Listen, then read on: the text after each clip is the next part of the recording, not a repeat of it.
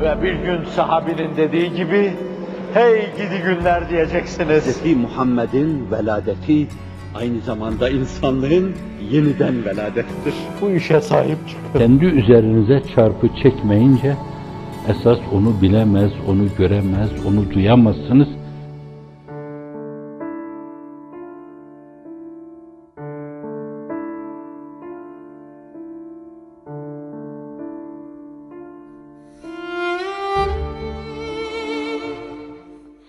Bir de inşallah bu yaptığınız büyük işler peygamberler yolunda Cenab-ı Hakk'ın bunları boşa çıkaracağını düşünmeyin. Aklınızın köşesinden geçmesin.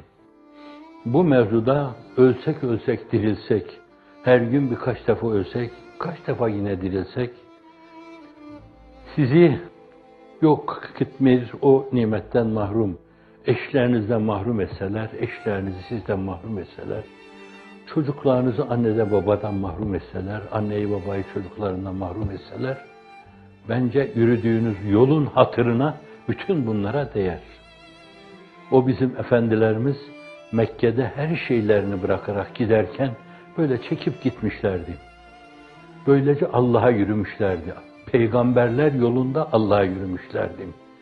Sevir Sultanlığına doğru yürüyen insanlığın iftihar tablosu arkasından Allah'a yürüyüvermişlerdi. Ve Allah da onları boşa çıkarmamıştı.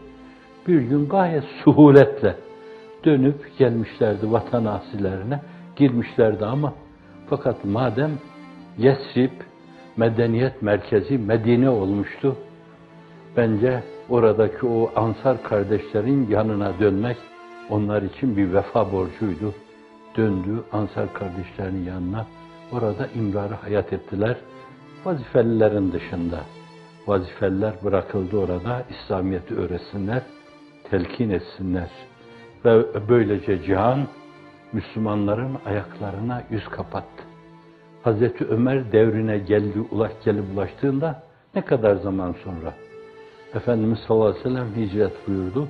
10 sene. Hazreti Ebu Bekir'inkini 3 sene sayarsanız bu kadar 13 sene.